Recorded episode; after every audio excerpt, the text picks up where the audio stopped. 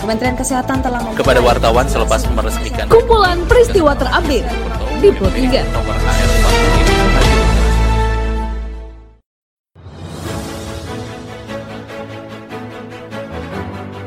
Halo pendengar, saat ini Anda sedang mendengarkan kumpulan peristiwa Pro 3.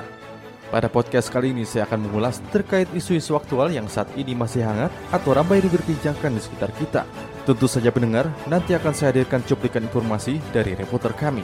Bersama saya Karisma Rizky, inilah kumpulan peristiwa Pro 3 di ruang dengan podcast Anda.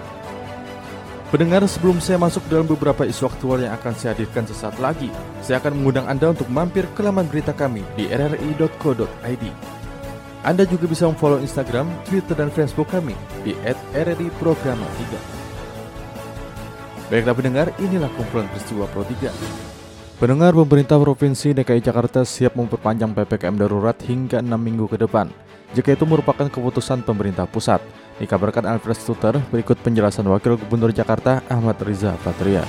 Kita siap melaksanakan kebijakan yang diputuskan oleh pemerintah pusat ya, terkait dimungkinkannya perpanjangan PPKM darurat. Angkanya sudah ada perbaikan dalam 10 hari terakhir, namun nanti kalau dirasa masih belum signifikan, kalau memang nanti pemerintah pusat mengambil kebijakan diperpanjang, tentu kami Pemprov DKI akan melaksanakannya dengan penuh disiplin dan tanggung jawab. Pemerintah akan melakukan revisi Undang-Undang Perpajakan guna membangun sistem perpajakan yang adil. Menurut Menteri Keuangan Sri Mulyani Indrawati, dalam pernyataan yang dikutip reporter Pro 3 RRI Magdalena Krisnawati, reformasi perpajakan menjadi kunci memperbaiki penerimaan negara, utamanya saat pandemi COVID-19 yang telah menekan sisi perpajakan negara.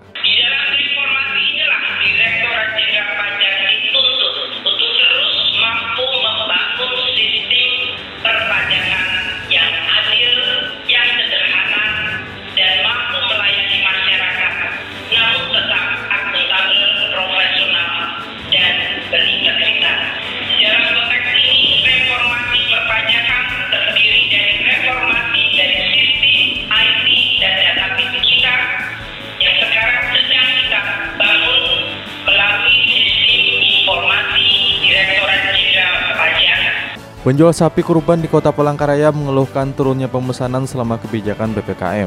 Dikabarkan Edi Suroso, berikut keluhan penjual sapi kota Palangkaraya, Andi. Oh, kabar-kabar aja seperti peraturan Pak Wali itu kan akhirnya kan peminat turun dong. Boleh keluarnya kan kita kurang nggak nyampe kurang setengah bulan kan keluar aturan itu deh. Boleh kan harusnya dua bulan, tiga bulan kan harus keluar. Boleh nomor HP kan ada juga. Di telepon kan ya memang belum cari mas, tapi tahu ini. Kayak gini biasanya 100 sudah habis. Hanya harapannya ya apa kayak kantor-kantor kan sekarang mikir juga tuh. Kalau Banjarmasin kan tidak ada. Sementara itu mendengar PPKM darurat yang telah berlangsung selama satu pekan di Pulau Jawa Bali menimbulkan permasalahan baru, yakni meningkatnya volume sampah utamanya plastik.